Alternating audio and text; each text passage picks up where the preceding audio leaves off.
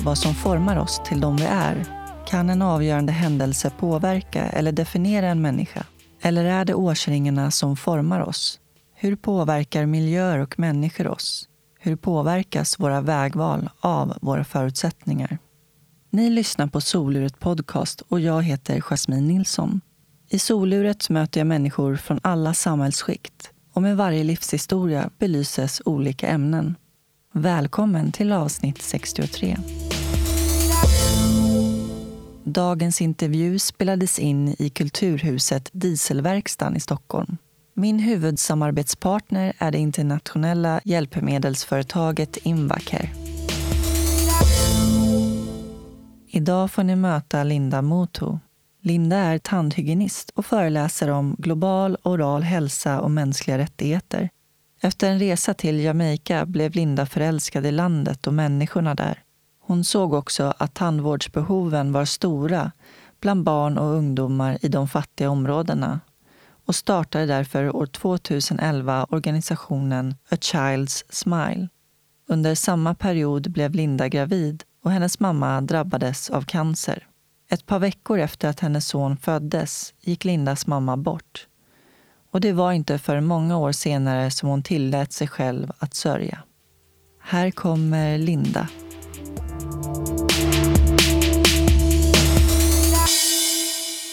Ja, men då, då rullar det på här. Ja, yes. Då kör vi. Yes. Välkommen till soluret, Linda. Tack så jättemycket. Hur är läget? Det är fantastiskt. Det är sol och det är, ja, det är härligt. Eller hur? Verkligen underbar dag. Och du, eh, du har precis varit på semester. Exakt. Vi var bortresta på Öland. Min mamma kommer från Öland så att vi har ett hus där från mina morföräldrar. Så där brukar jag spendera somrarna sen min barndom. Jag har aldrig varit där. Oh, då måste du åka. Det är jättefint. Ja. Berätta vart du kommer ifrån. Ja, jag är uppvuxen här i Stockholm, i Sätra, en förort.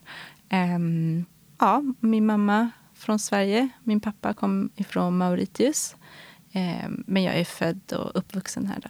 Hur var din uppväxt? Den var ju väldigt fin faktiskt. Väldigt trygg och kärleksfull. Um, min pappa dog när jag var fyra, men jag kommer inte ihåg så mycket av det. Jag kommer ihåg honom, men jag kommer inte ihåg liksom det traumatiska i det.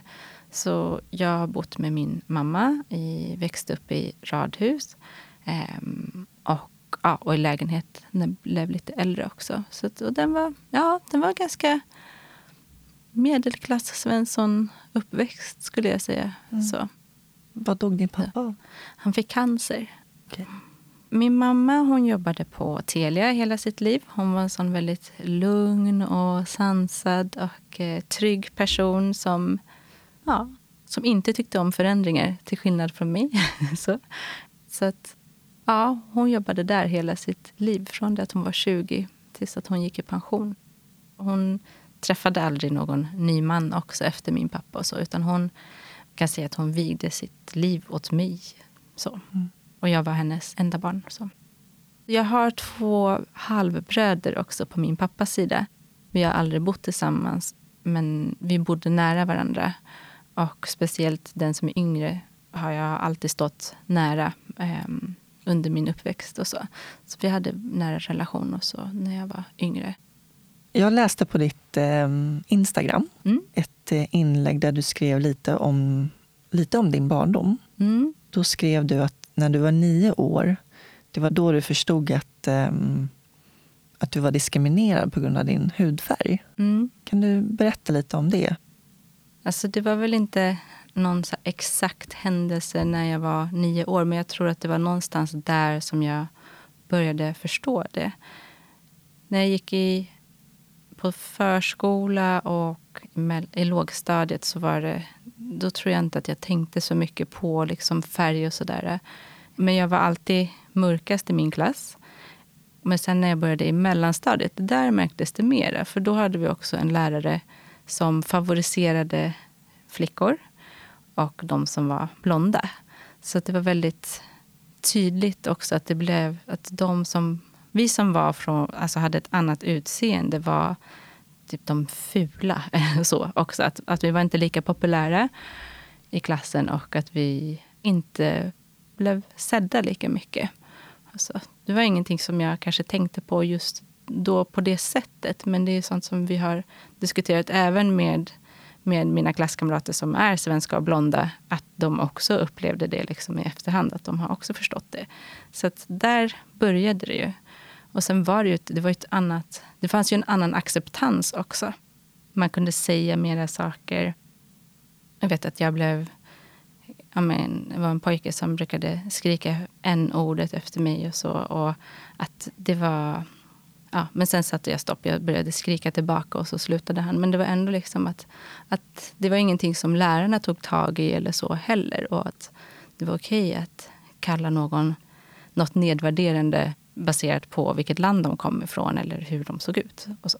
Det var liksom mer normaliserat ja, då? exakt. Var man annorlunda så var det okej för folk att, att mobba en för det eller säga dumma saker om det. och så.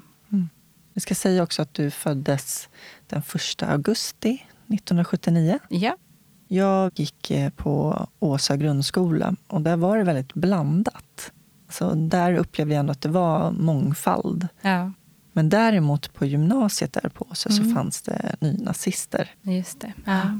Det var då på något sätt man började tänka kring de termerna. Liksom, att det mm. överhuvudtaget existerade människor som hatade andra på grund av deras ursprung. Ja. Vilket år är du född? 83. 83, ja. Mm. men då var det ungefär samma tidsperiod. Mm. För, för mig så började ja, exakt, det började komma nynazism när jag gick på högstadiet. Mm.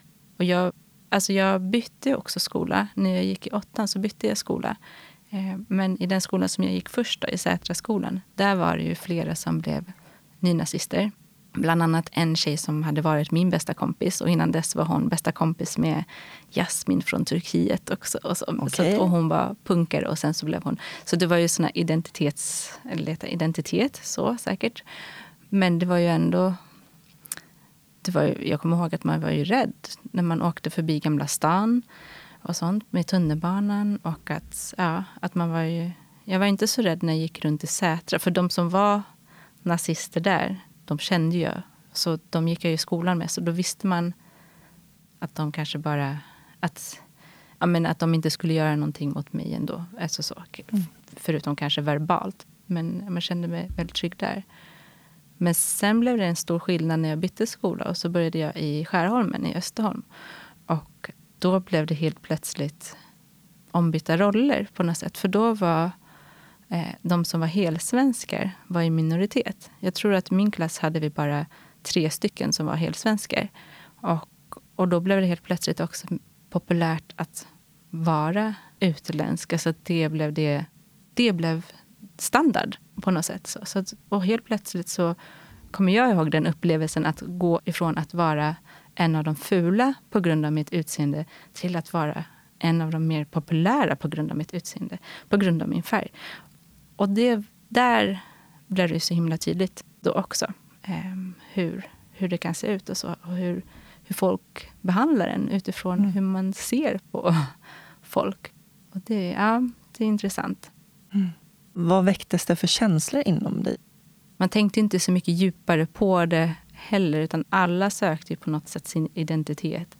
Jag var hiphoppare till exempel och hade baggy jeans och mm. Naughty by Nature-tröjor. Och så så att alla vill ju på något sätt hitta sitt. Då. Man söker ju tillhörighet. Och, och jag tänker på något sätt är det väl också biologiskt hur vi ser på människor. Vi ser en människa och vi tolkar den utifrån våra egna erfarenheter och uppfattningar. Sen behöver ju inte det vara på det sättet heller. Men så är det ju över hela världen. Alltså, jag tänker, om du och jag pratar om ja, men hur svenskar är så kanske vi har ganska lika uppfattning. Och sen så kanske någon från något annat land kommer och de kanske har en helt annan uppfattning. Att, mm. ja, men, jaha, jag trodde att svenskar sprang nakna på gatorna och så. Förr i tiden trodde man ju det i mm. andra delar av världen. Och det händer ju inte så ofta Nej, att man gör det, tycker jag. ja. Och att man söker att man söker ett vi. Och för att kunna hitta ett vi så måste det också då finnas ett dom. Och de blir fienden på något sätt. Och det kan man ju se med all rasism. Det finns ju väldigt mycket afrofobi och islamofobi och antisemitism och liksom allt möjligt så, som bara grundar sig i Fördomar. Ja, fördomar. Mm. Ja, men exakt. Mm. Inte någon... Ja. Som funkofobi också. Ja, men exakt. Som jag ja. upplevt. Och det har ju med människors rädsla och eh, okunskap att göra. Mm. Men eh, hur gick det i skolan? Ja, nej, det gick inte så bra. var, jag, eh, jag skolkade jättemycket. Jag skolkade mig genom hela högstadiet och gick också om åttan. Så att jag gick åttan först i Sätra skolan och sen i Österholmsskolan. Och sen så började jag gymnasiet och där så skolkade jag ännu mer. Eh, jag vet inte riktigt vad jag gjorde istället. Jag var bara jag var trött, så tonårstrött och eh, lite cool också, tyckte jag nog. Men också väldigt ointresserad. Jag var inte motiverad och, och inspirerad då. Mm. Så, ja, nej. Hade du några drömmar som barn? Ja, när jag gick på förskola så ville jag bli frisör, vet jag. Men ja, jag tror att jag... Så jag drömde om att bli... Eh, jobba på kontor. Det var typ det. Jag tyckte det såg så glamoröst ut med kvinnor med höga klackar och skjortor och kjolar som satt och var väldigt upptagna. Det, det var någonting som jag ville bli. så. Men sen tror jag också att jag hade lite hybris också. Jag hade lite den här känslan. Nej, men någon dag kommer jag gå på gatan och så kommer någon upptäcka min awesomeness och så kommer det ja, bara lösa sig. Så. Ja. det var lite... Ja. ja. Jag hade en dröm om att åka till London. Jag hade inte några såna långsiktiga planer. eller så. Jag hade en dröm om att åka till London och bo där.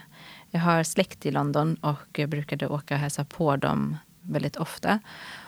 Och det var en sån frihetskänsla att vara där. Och det är en stor, stor stad och det mm. finns ju så mycket. Och så mycket snygga killar det var också. Ja, Älskar London, det är en ja, fantastisk ja, men, stad. Ja, det är det. Den har ju sin charm. Den är ju verkligen mångkulturell också. Ja, men exakt. Känns och inkluderande är, på det sättet. Ja, och det som, ja, och jag vet inte om jag tänkte på det på det sättet då, men det som jag kan känna nu det är att när man går där så är man inte annorlunda. Och det är ju också en sån ja, härlig känsla tycker jag. Att man inte är annorlunda. Det var ju inte jag kanske heller när jag gick i, i Skärholmen heller. Där var det ju väldigt blandat. Alla var ju annorlunda. Jag såg mm. annorlunda ut. Men det är på ett annat sätt. Men så tänkte du att du ville dit? Ja. Ehm, sista året på gymnasiet så um, blev jag kär och träffade en kille. Vi blev jättekära och uh, då kunde jag inte åka till London längre. Så. Men sen när det började bli lite dåligt mellan oss eh, efter nästan två år då sökte jag ett jobb eh, som flygvärdinna. Det var, jag kommer ihåg att min mamma visade mig en artikel i DN. För då hade jag jobbat på ICA och i några kundtjänster. Och jag tror att jag kom på också att det här att sitta på kontor var ju kanske inte lika glamoröst som jag hade tänkt mig. Och så.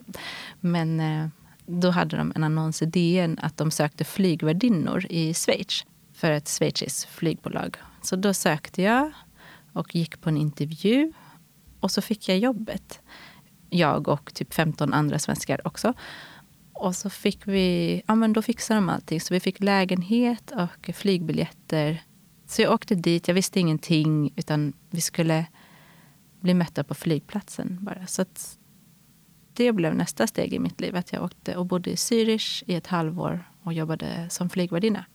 Min första flygning när man gick som, eh, vad heter det? Praktikant. Ja, praktikant, exakt. Och vi hade en övernattning i Stuttgart, kommer jag ihåg. Och hela crewet var från Schweiz och pratade tyska. Och jag var den enda som liksom, de behövde prata engelska med då. Och jag var yngst, kommer jag ihåg. Och då var det en man i alla fall, när vi var på väg in till Stuttgart, som fick en hjärtattack och dog på planet. Så det, och det var, jag var 21 år eh, och det var ju sån... Vilket trauma. Ja, det var jättetrauma. Så kom vi fram till Stuttgart och så skulle vi sova över där. Och ingen pratade med mig på engelska. Och jag kommer ihåg att jag saknade min mamma så himla mycket då. Jag kommer ihåg att jag ringde henne och bara grät också. Ja, men det gick inte att göra någonting. Så det var min första min första reality ja, utanför hemmet. Liksom så, med, ja, så, mm. så jag har ju varit väldigt förskonad. Så då fick jag avsmak från det jobbet. Och så kände jag väl också, nej men nu vill jag hem till Sverige.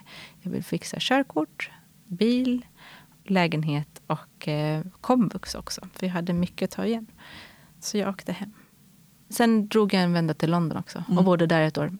Och jobbade på ett gym i norra London. Och bodde i en pytteliten etta som jag delade med en annan tjej. Och hade ashög hyra. Men mm. vi hade så sjukt kul. Och när du kom tillbaka från London? Ja, men då satte jag mig på komvux. Och helt plötsligt så var det ju spännande. Det som var positivt med att jag hade skolkat så mycket var att jag inte hade fått ett slutbetyg. Förutom de här grundämnena, eller basämnena, så kunde jag plugga vad jag ville. Bara jag kom upp i viss poäng. Liksom. Min brorsas tjej är tandhygienist och hon inspirerade mig en dag att jag skulle läsa till tandhygienist. Men då var jag ju tvungen att fixa komvux också. Men jag kommer ihåg det att vi pratade och så berättade jag för henne. Ja, ah, vet du, jag har eh, spontanshoppat ett linne idag på H&M för 50 kronor. Woohoo! Och sen så sa hon att hon också hade spontanshoppat. Och så frågade jag, men vad köpte du för någonting? Alltså, ja, men du vet den där nya Suzuki-jeepen? Och så kände jag, ja, men jag kanske ska bli tandhygienist också. Precis. Ja, och hon är egen företagare och jobbade kanske fyra dagar i veckan. Och så tänkte jag, ja men det låter bra. Så satte jag mig på komvux och det var, ja, men det var jättespännande. Och jag kunde läsa, jag läste massa ämnen som jag tycker är spännande och som jag kanske tyckte var tråkiga några år tidigare. Men nu kunde jag relatera också till det i mitt eget liv. Alltså, så jag läste religion och geografi och sen var det också matte som inte är mitt favoritämne. Men jag klarade det och läste lite franska och engelska och spanska. Och, ja, och då fick jag ju MVG som det hette på den tiden, ja. i alla ämnen. Och ja, fick jättebra betyg. Så, så då kände jag, det är nog den, för mig, en av de största bedrifterna för mig själv. För någonstans så bevisade jag att Okej, det var inte för att jag var korkad som jag inte klarade. Okej, okay, jag var korkad för att jag inte gick till skolan, men jag var inte, jag var inte ointelligent. Utan jag klarade faktiskt av det här också. Och bestämde dig för att söka till tandhygienistutbildning. Ja, exakt. Och då kom jag in på reserv och pluggade tre år på Karolinska här i Stockholm, i Huddinge. Apropå med det här med att du kände att du faktiskt hade klarat någonting. Liksom mm. Den här mm. bedriften att eh, ta dig igenom komvux och plugga upp dina betyg och sådär.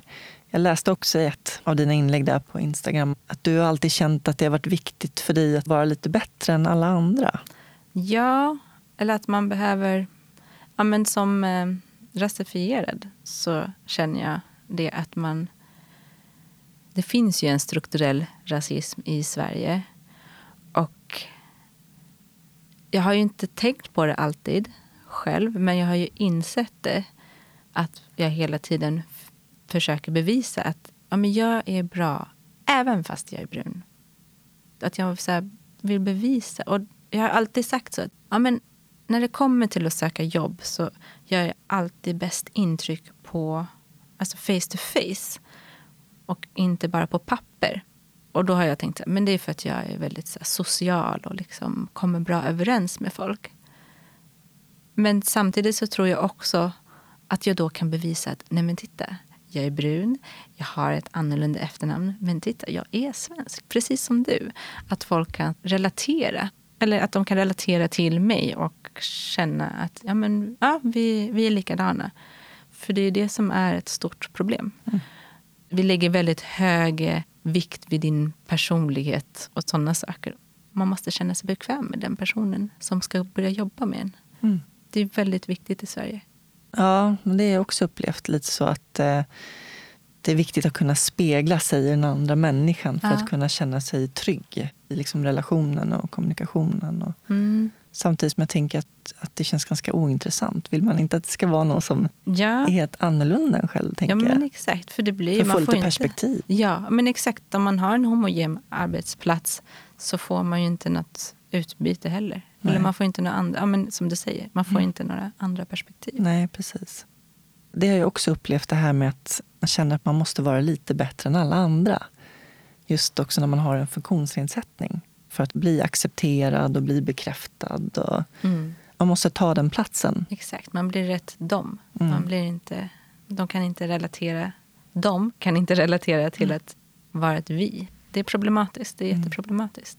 För mig var det jättetydligt när jag skulle söka jobb. Mm. För då hade jag min helkroppsbild på mig själv i CVt. För jag Mm. tänkte att ehm, jag sitter i rullstol, ja men då Mm. vet ni det. Eh, och fick väldigt få svar. Mm.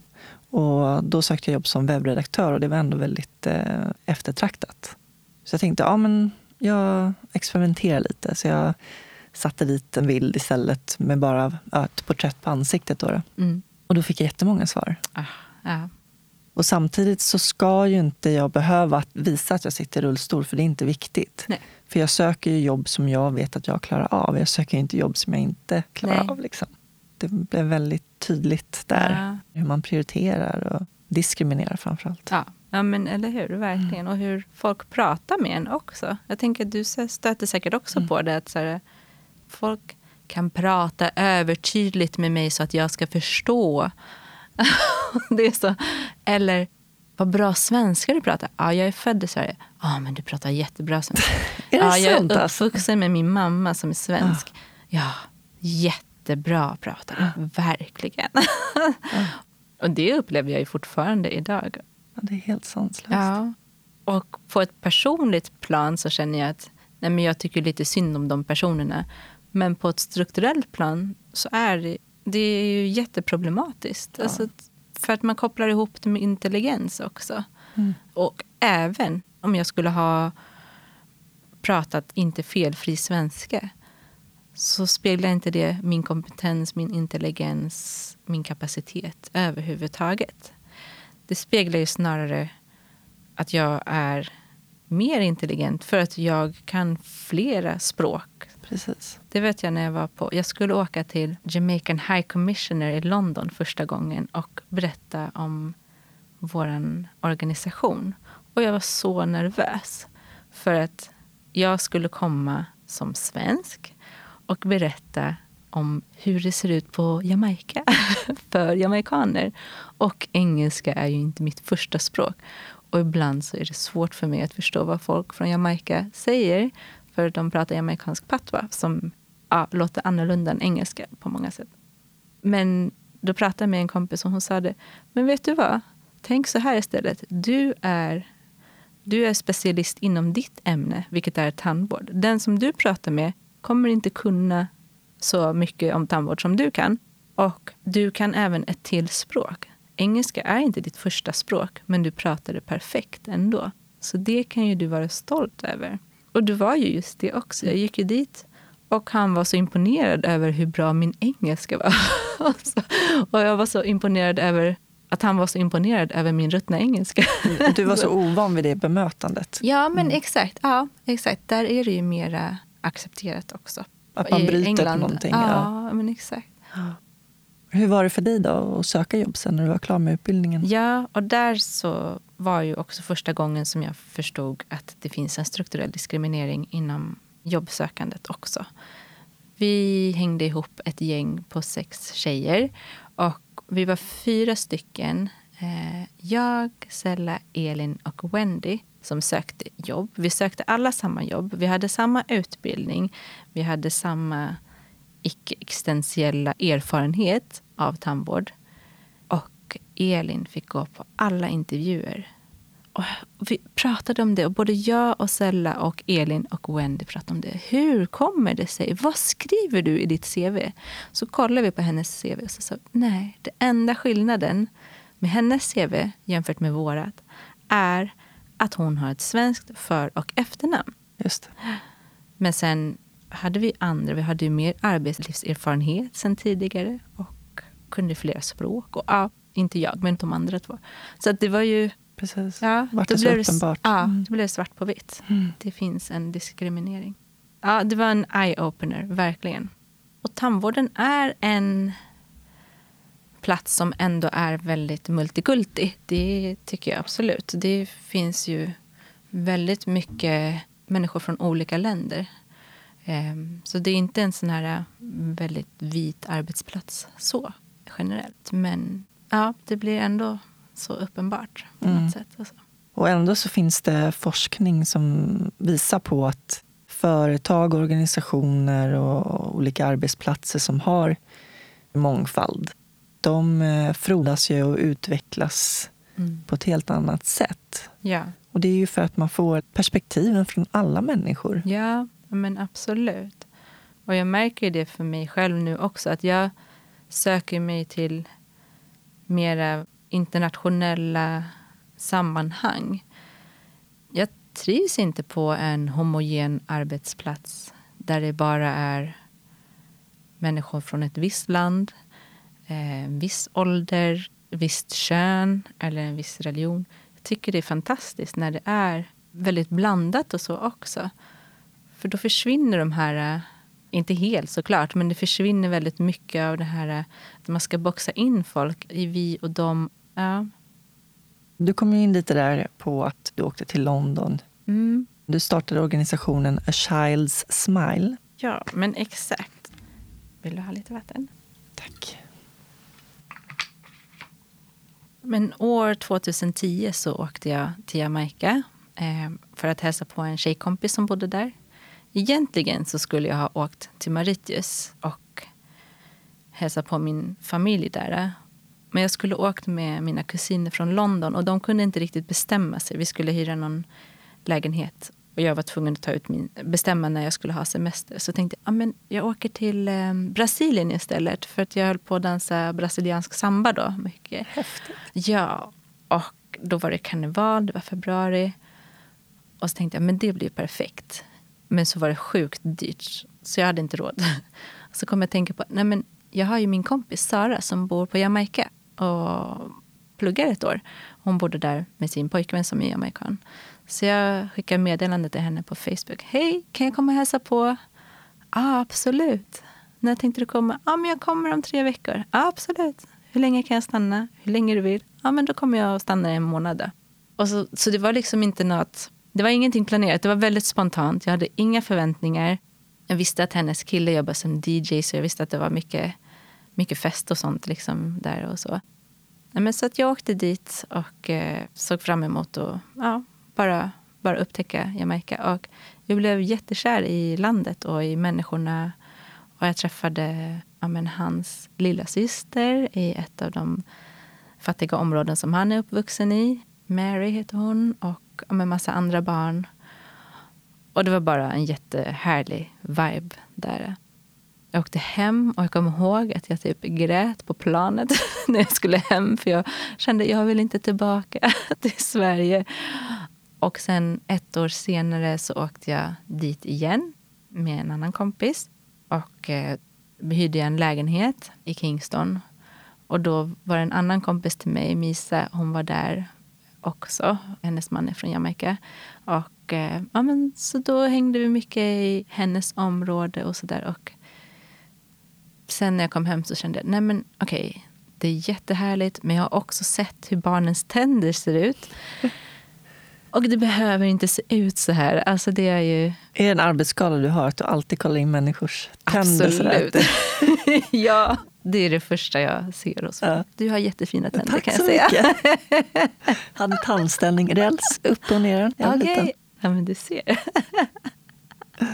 ja, nej, men det blir sånt. Man blir arbetsskadad, absolut. Men sen blir det också det här att det här med socker också. Det är ju så mycket socker ja, på Jamaica. Vi äter ju också mycket socker, men där är det också, det finns ju inte någonting annat många gånger att få tag på heller. Är du törstig så är det billigare att köpa en bag juice för 20 eh, dollar än att köpa en vattenflaska för 100 dollar. Och det är ju godare också. Såklart. Så att, ja, och det är roligare färger också. Nej, men så det, det är mycket sådana saker. Och det känner jag igen från Mauritius också. Sen är det också alltså, vad det finns för tillgång och pris. Bor du inne i storstaden i Kingston så kan det vara billigare att köpa godis än att köpa frukt till exempel. Frukt finns ju mycket gratis och så. Sen är det ju tabu och sånt också som spelar in. Att man kanske inte ska dricka vattnet från kranen eller dricka vatten för att det visar på att man är fattig. Det är okay. någonting som man kan se i många, många kulturer. Och här, jag tänker på just barn och eh, munhälsa, mm. så tar vi det verkligen för givet här, ja. att det är en självklarhet. Mm. Och att man får lära sig tidigt hur man ska sköta tänderna och så, liksom att man har den ja. kunskapen. Ja. Jag kom i kontakt med en studentorganisation också på Jamaica med tandläkarstudenter. Och då berättade jag lite om hur det är i Sverige, att det är gratis tandvård och att man jobbar preventivt. Men så berättade jag också om det här med lördagsgodis. Att i Sverige, det är ju någonting som vi har vuxit upp med. Liksom att, ja men lördagsgodis, man äter bara godis på lördagar. Och det kanske inte vi vuxna gör alltid, men vi ser till att våra barn håller det ganska bra, förutom på sommaren. Men, och de var ju helt fascinerade. De sa, wow, hur kom ni på det? Så du menar att alla barn i Sverige bara äter godis på lördagar? That's amazing! jag var lite så här, ja, jag är så smart. Nej, just det, det var inte jag som kom på det, men ja, det, var, det var verkligen, ja. de var så imponerade. Liksom. Ja, häftigt. Ja. Det är sånt vi inte tänker på. utan det är bara liksom... Ja, men vi tar ju det för givet. Ja. Det är det vi har vuxit upp med. Vi har ju vuxit upp med lördagsgodis och borsta tänderna två gånger om dagen och fluortanten. Och mm. vi har ju, jag tittar ju då på Barnkanalen på morgnarna och där så visar de ju också att man ska borsta tänderna i två minuter och så är det en tandborste i två minuter. Så att alla mm. barn vet att de ska göra det. Det är fantastiskt. Mm. Mm. Men det blev tydligt för dig då när ja. du var i Jamaica? Ja, men exakt. Så då så bestämde jag mig för att ja, men jag ska samla ihop lite pengar och så ska jag skicka det till tandvården och så att vi backar upp dem lite. Och så pratade jag med min kompis Wendy och hon sa ja, men det är bra att ha en förening för då kan man få in pengarna på ett konto som är liksom kopplat till föreningen så att det inte blir så att de ska skicka pengar till ditt privata konto för det kan ju vara lite fishy. Så. Så då skulle vi starta en förening och då måste man vara tre personer. Så då var det jag, Wendy och Elin som jag hade pluggat med då. Och Wendy hon, hon har en sambaförening. Och eh, då sa ja, men man måste ju ha stadgar också. Vi tar våra stadgar och så byter vi ut dans mot tänder. Ja. så det var typ så. Och sen så kom Wendys tvillingsyster Jureli och sa men ska ni inte starta ett projekt då? Ska ni inte åka dit och fixa lite med tänder istället? Då? Och hon pluggade inom internationella relationer eller mänskliga rättigheter. Någonting sånt. Perfekt. Ja, så hon, var, så hon hade ju också jättebra tankar och idéer.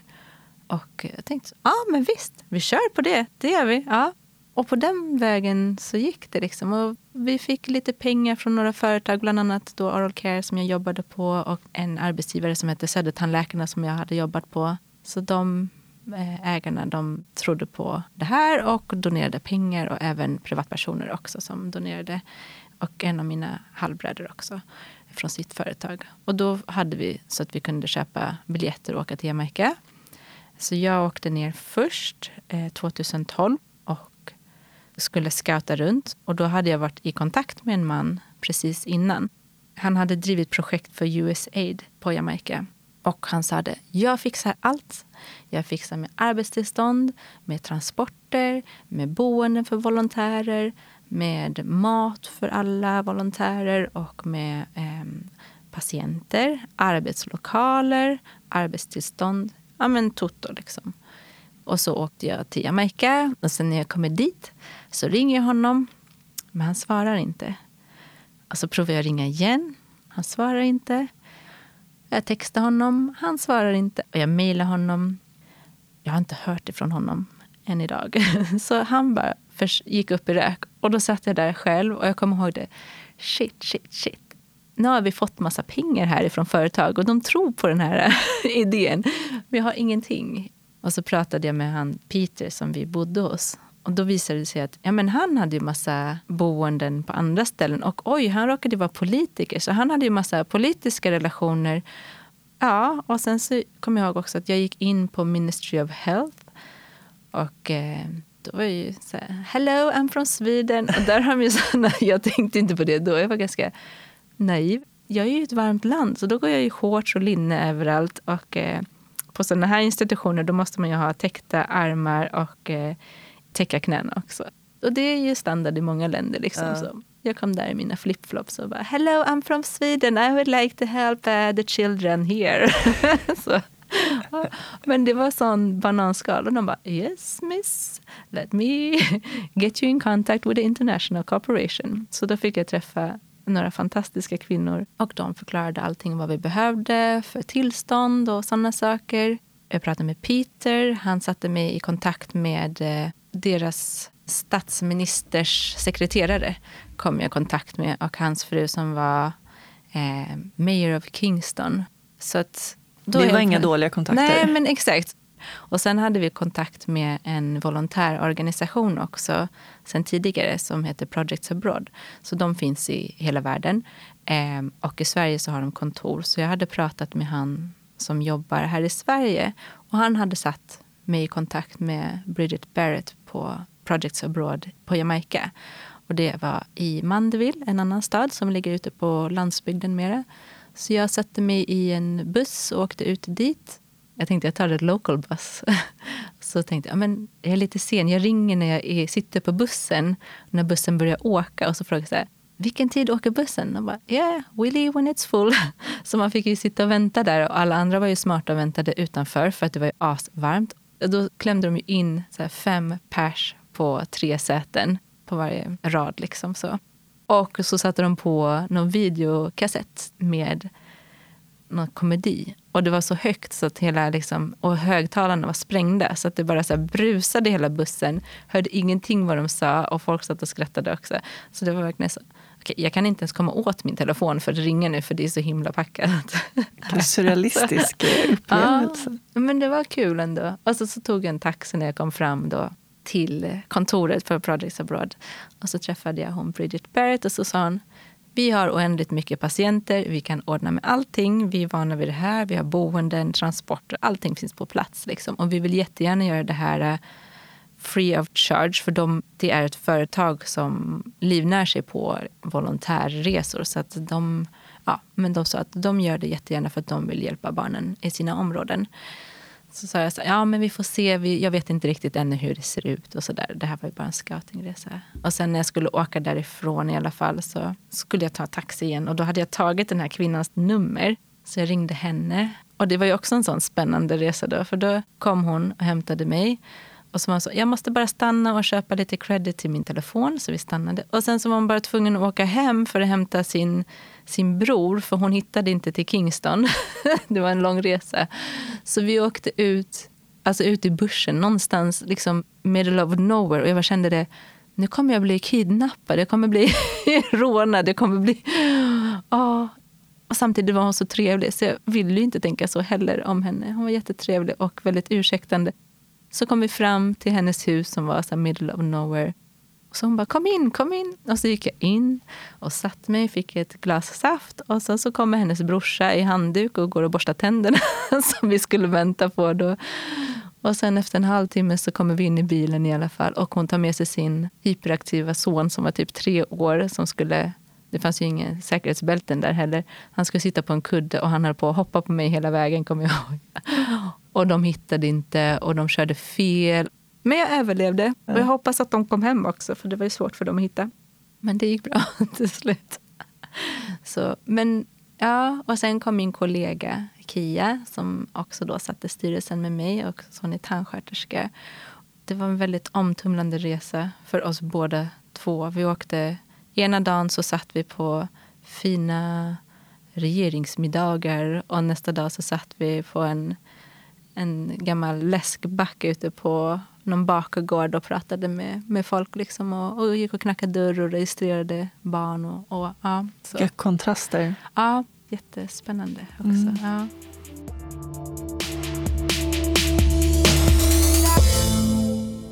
Nu tar vi en kort paus och ringer upp min samarbetspartner Invacare. Stina Dahlbeck Invacare. Hej Stina, det är Jasmin här från Soluret. Hur är läget? Tack, det är bra. Solen skiner idag så det känns lite skönt. Ja, det var ju länge sedan nu som vi hördes och jag har förstått att eh, du har drabbats av coronan. Ja, det var i april. Så hade jag känt mig lite trött och hänga sådär och sen var det helt plötsligt akut med andnöd så att jag fick åka in till sjukhuset. Som tur var så stabiliserade sig faktiskt ganska fort så att jag fick åka hem igen men jag var ganska dålig faktiskt i nästan två veckor. Så att, eh, det var ingen rolig upplevelse. Nej, det förstår jag verkligen. Men nu mår du bra i alla fall? Jag mår bra nu. Idag är jag lite förkyld, men det kan man väl få vara. Ja, absolut. Men vad gör du för någonting på Invacare? Jag ansvarar för all utbildning som vi har och eh, jag är även produktchef för sittdyner, madrasser och ryggsystem. Och eh, nu har ni ett nytt ryggstöd på gång också har jag förstått. Jajamensan. Så att eh, vårt nya ryggsystem är en del i familjen som vi kallar för Matrix. Och eh, den senaste innovativa modellen som vi har inom just ryggsystem är ju att eh, tanken är att det ska komplettera hela sittsystemet. Många gånger så är det så att man, man glömmer bort det här med att ryggens inverkan på att kunna få stöd, stabilitet men även att man ska kunna få en så aktiv livsstil som möjligt när man sitter i sin rullstol. Just det. Och det är ju verkligen A och O. Precis som dynan är viktig så är ju ryggstödet minst lika viktigt för att man ska få en bra sittställning. Och vi är ju alla skapta olika, liksom, så det är ju verkligen, det handlar om millimeter att allt ska vara inställt på rätt sätt. Precis. Och eh, vår senaste modell nu som heter Matrix Elite E2, där har man ju uppgraderat eh, den nuvarande ryggen mycket är lika, men många bra förbättringar för att eh, få ett bättre posturalt stöd. Men framförallt också tryckfördelning och när vi tittar på att få ett bättre mikroklimat. Ryggen är uppbyggd fortfarande i två olika djup, så att du har en standard och en som är lite mer formad. Och eh, man har gjort lite mera hålrum i ryggstödet så att man då ska få bättre mikroklimat.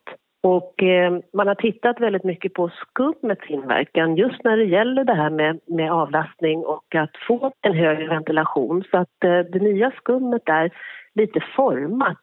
Det har som små räfflor i skummet som gör att eh, man får mera luftkanaler i själva skumdelen. Ja, men det låter ju jätteskönt att det formar sig efter ryggen. Ja, också viktigt när man tittar på storlekar. Vi har ju fortfarande många höjder och bäddar och sen att man kan justera i både höjd och djup och i rotation och se till att man kan stötta kroppen om man kanske har någon form av felställning. Men det låter toppen Stina. Vart kan man se information om eh, ryggstödet? Det kommer att komma ut information på vår hemsida här framöver och eh, den kommer garanterat finnas eh, på plats här lite senare under hösten. Så eh, då kan man kontakta oss så kommer vi gärna ut och visar och hjälper till med utprovningar och om man behöver lite extra assistans och hjälp i själva inställningen. Tack så jättemycket Stina, så får du ta hand om dig. Ja, detsamma. Ha det så jättebra Kerstin. Hej då. Hej, hej.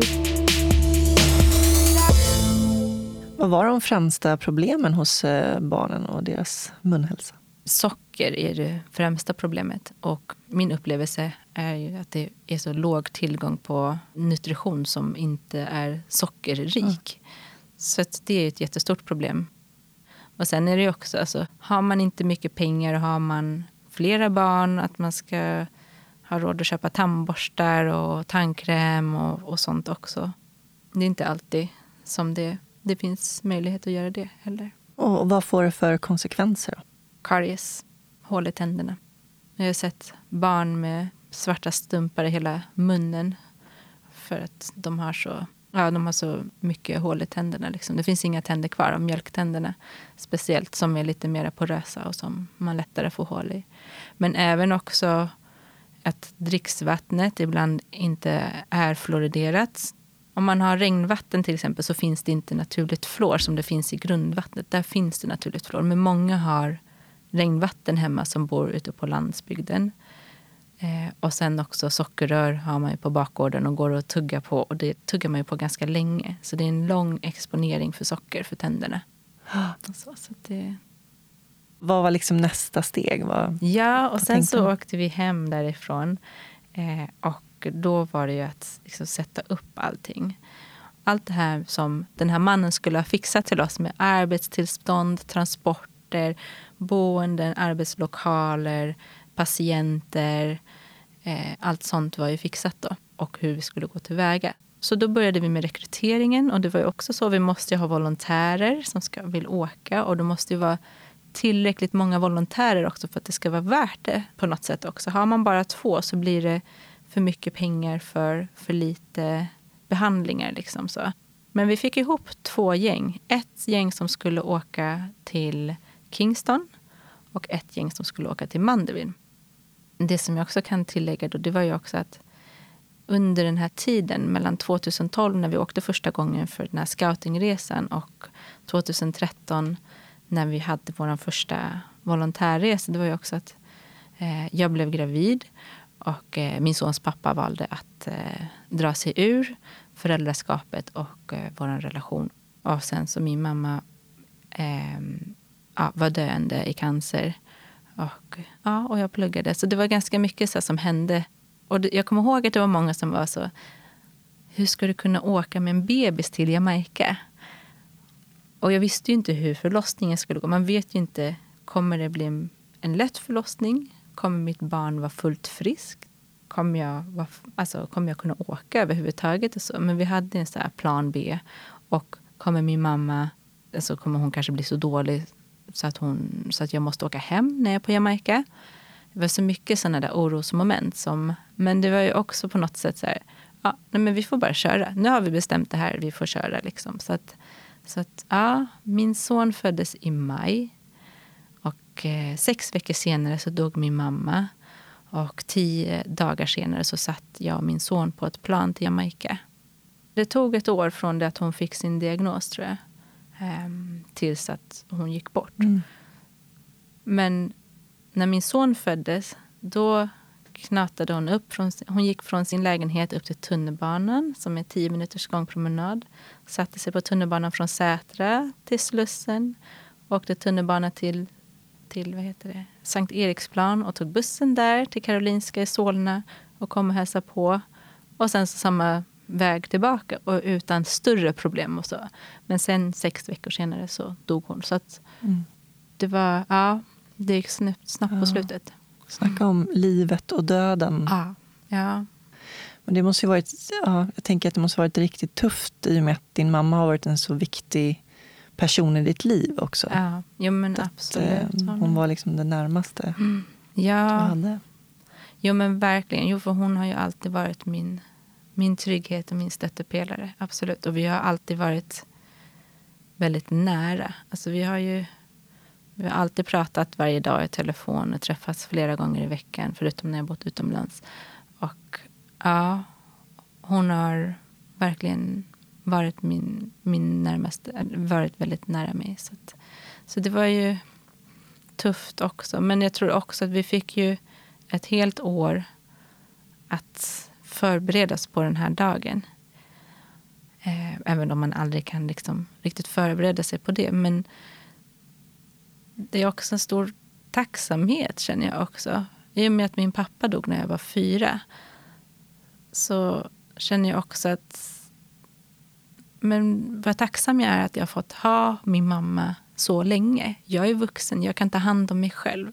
För det var ju också en rädsla för mig från det att jag var kanske tio år. Att oh, men, oj, nu fattar jag. Tänk om någonting hände med min mamma. Vad hände med mig då?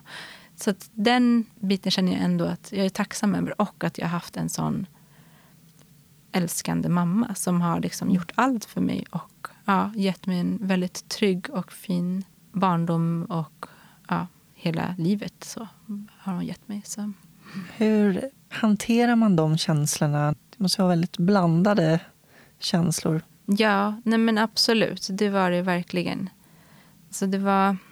Det hände, alltså jag tror också att det hände så oerhört mycket under den här tiden också. Jag kommer ärligt inte ihåg allting som hänt. För det, det var för mycket som hände. Liksom, så att jag har lite så minnesluckor från den tiden också. När hon dog så åkte vi tio dagar efter det.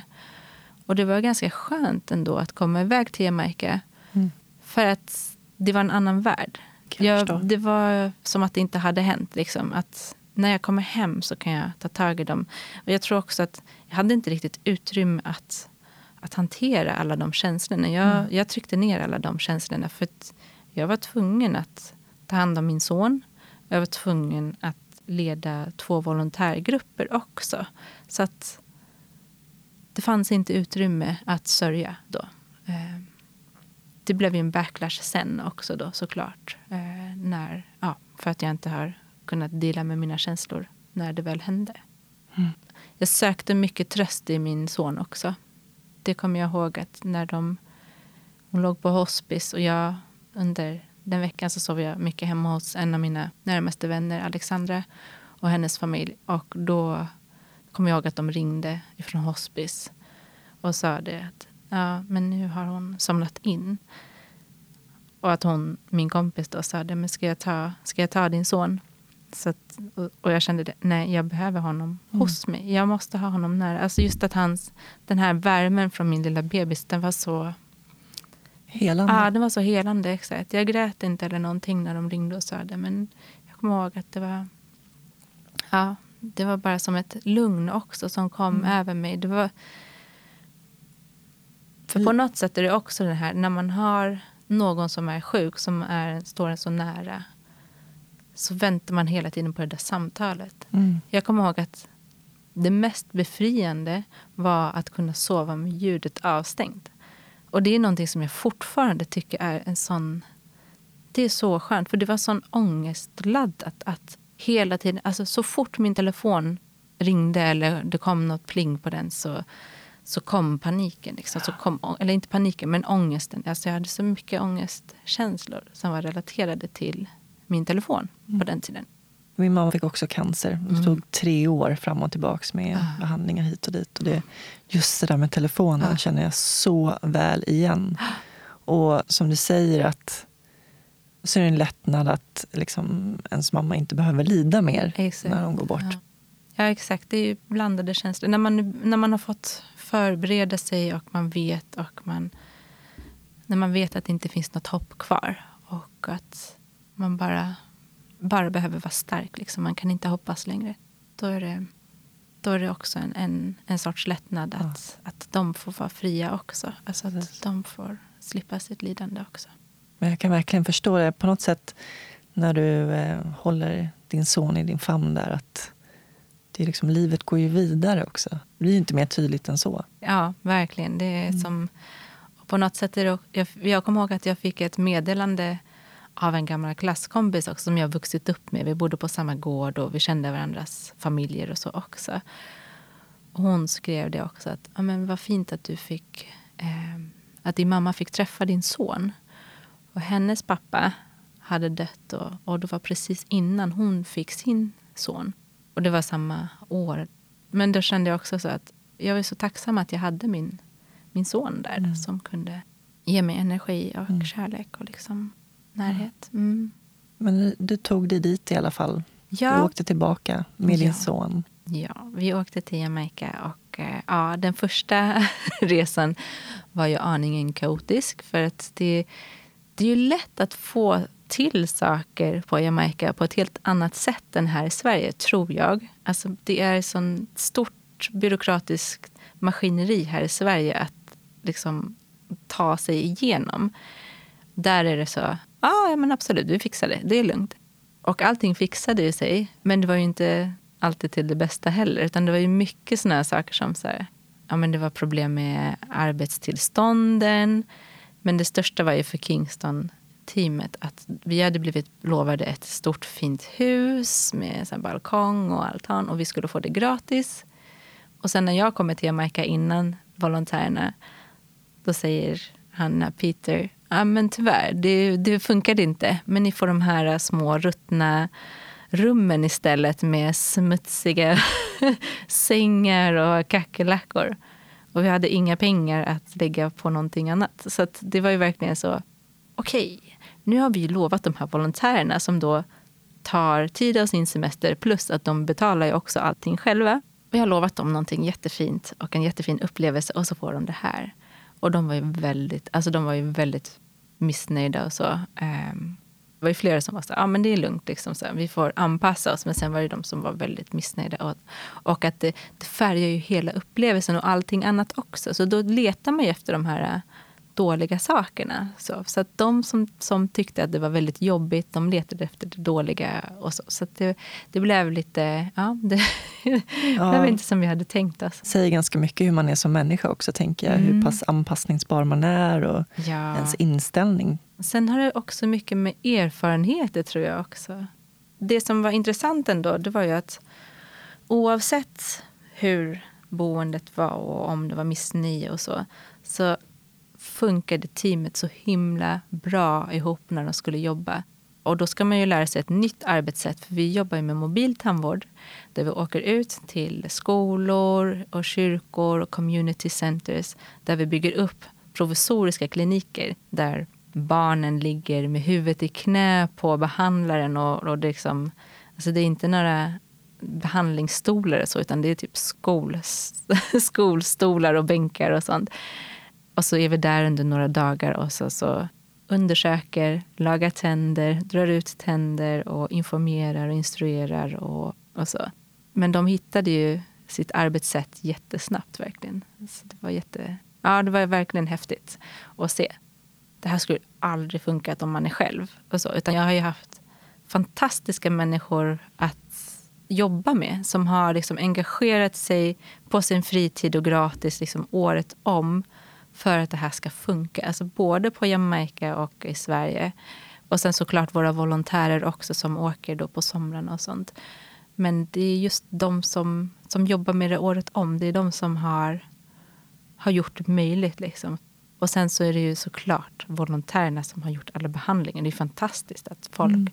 liksom vill lägga sin tid och sina pengar på att få åka och hjälpa andra människor. Det är ju det är ju grymt. Det är stor eloge såklart. Men jag är oerhört tacksam över att få... Alltså just det här att få vara kreativ med andra människor. Det är sån härlig känsla. Jag känner att jag har fått så sjukt mycket av det här själv. Jag tror att jag får mer än barnen som får kanske en fyllning och en, en utdragen tand. Liksom. Det är, jag vet inte, det här är... Ja, det är så mäktigt vad man kan göra tillsammans. Mm. Och också vad man kan göra över gränser.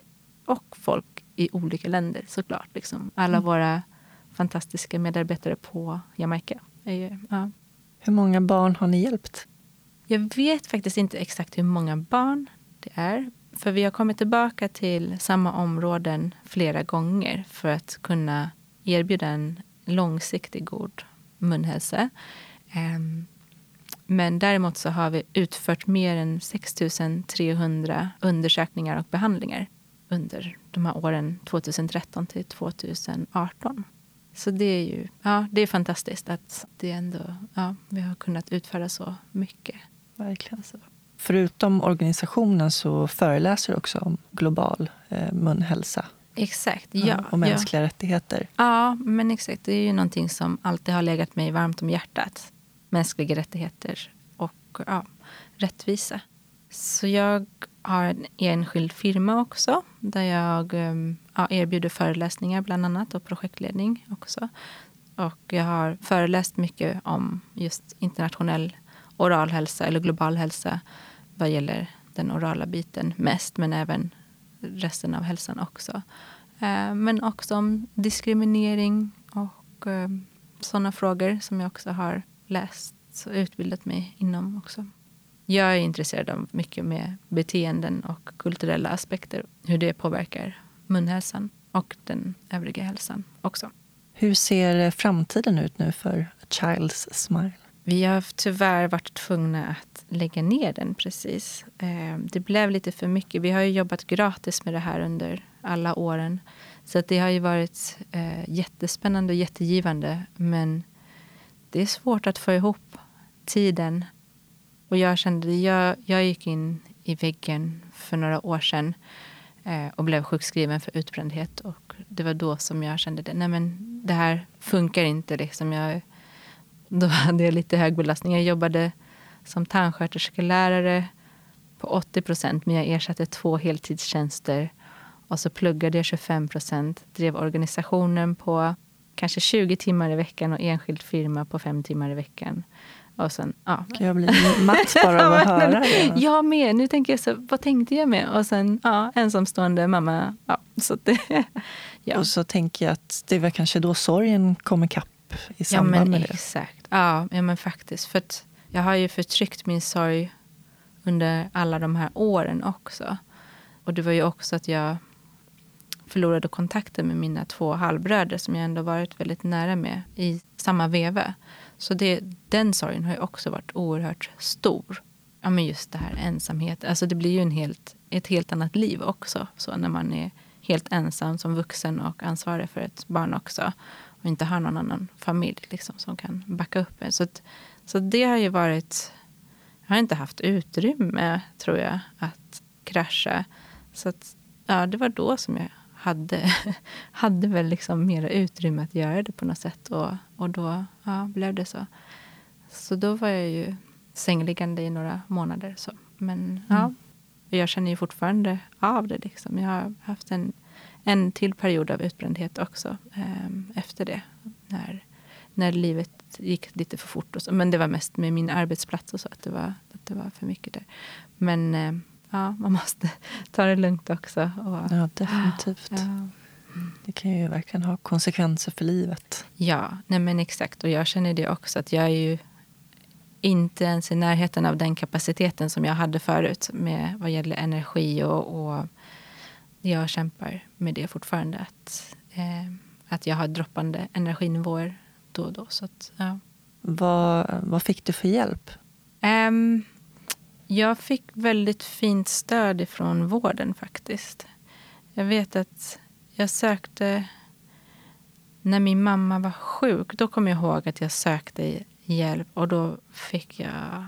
Ja, nej, men då blev jag helt så här dismissed av den läkaren som tittade på mig lite och var så där... Ja, men lilla gumman. Det, ja, lite som att han inte trodde på mig. Så och så förklarade jag liksom, ja, men lite det som vi pratar om nu. Och han tyckte inte att... Ja, han sa det, jag kan inte sjukskriva dig mera. Jag hade magkatarr då så att jag inte kunde bära min son också.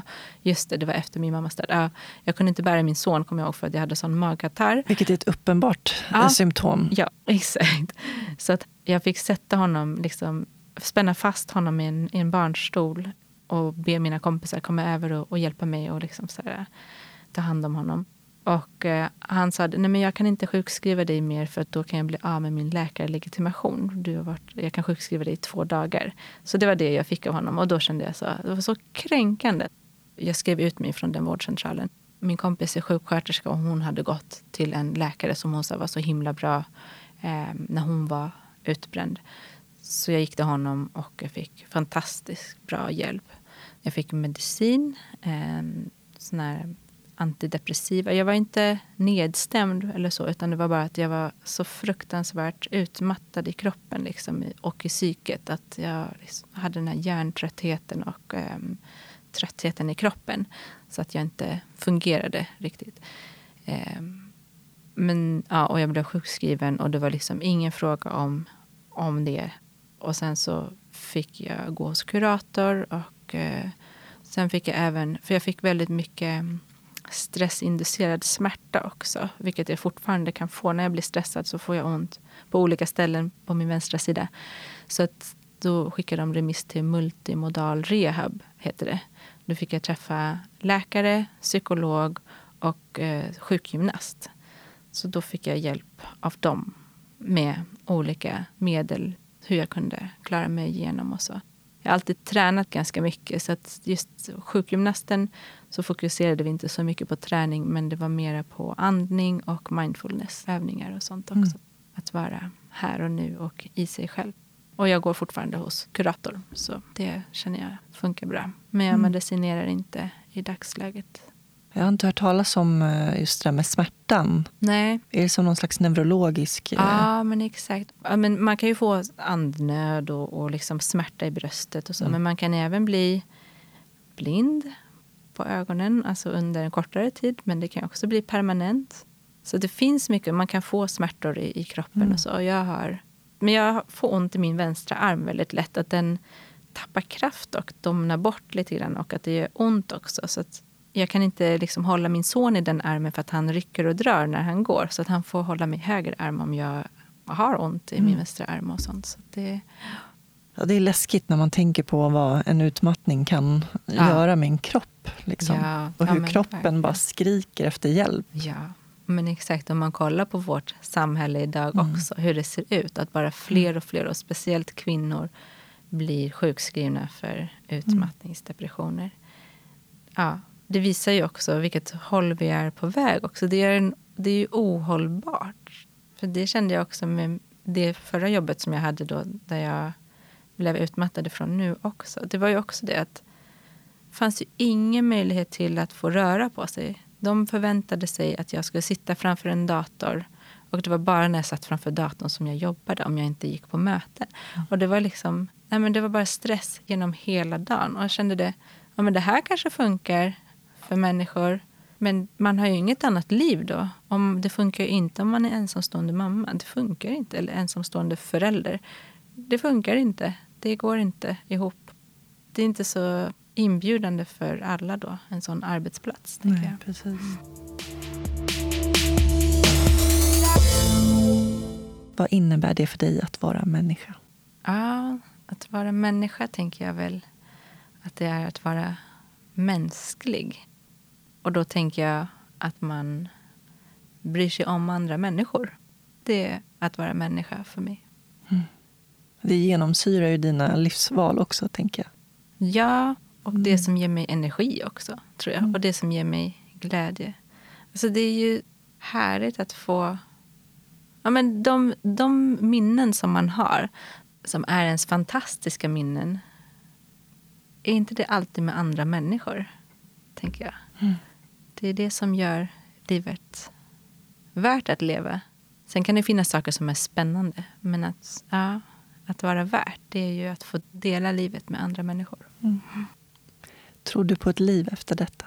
Ja, men det tror jag absolut på. Mm. Har du känt av din mamma någonting?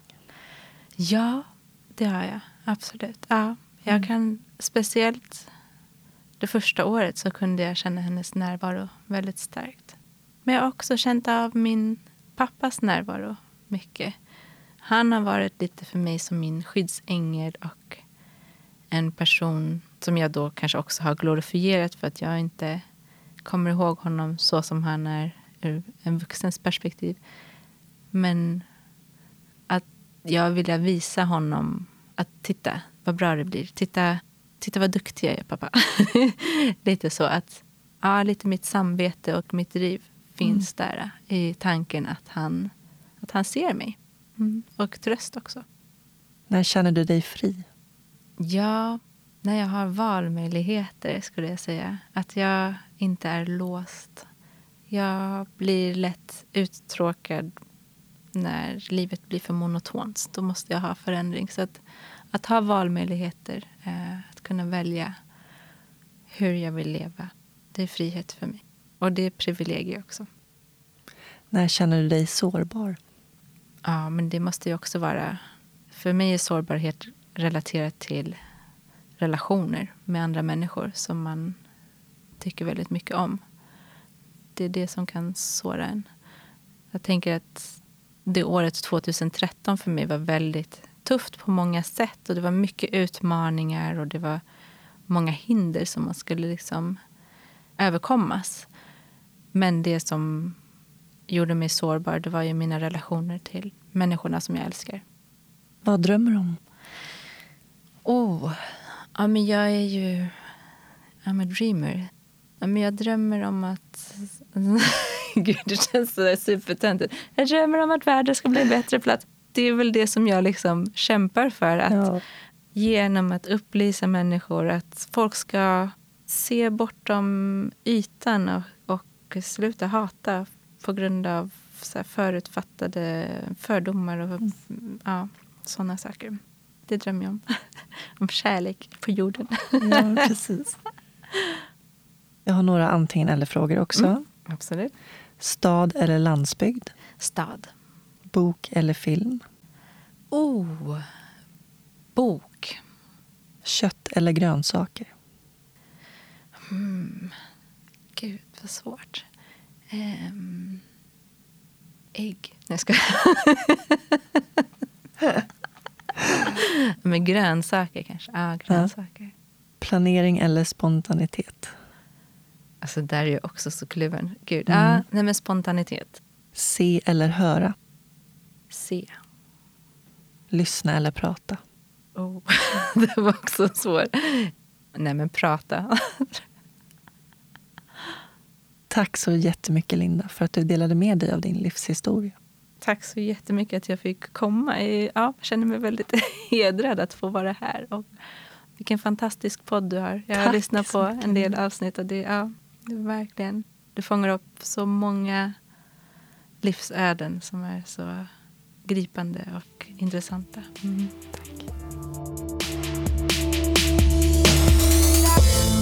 Du kan följa Linda på Instagram, hashtag msmoto och på LinkedIn. Hör av dig till henne om du vill ha en föreläsning om global oral hälsa och mänskliga rättigheter. Soluret har en hemsida, soluretpodd.se. Där kan ni lyssna på alla avsnitten och även komma i kontakt med mig. Prenumerera gärna på Soluret i din podcastapp så missar du inte kommande avsnitt. Tack till min huvudsamarbetspartner Invacare. Mer information om Invacare och deras produkter hittar ni på invacare.se.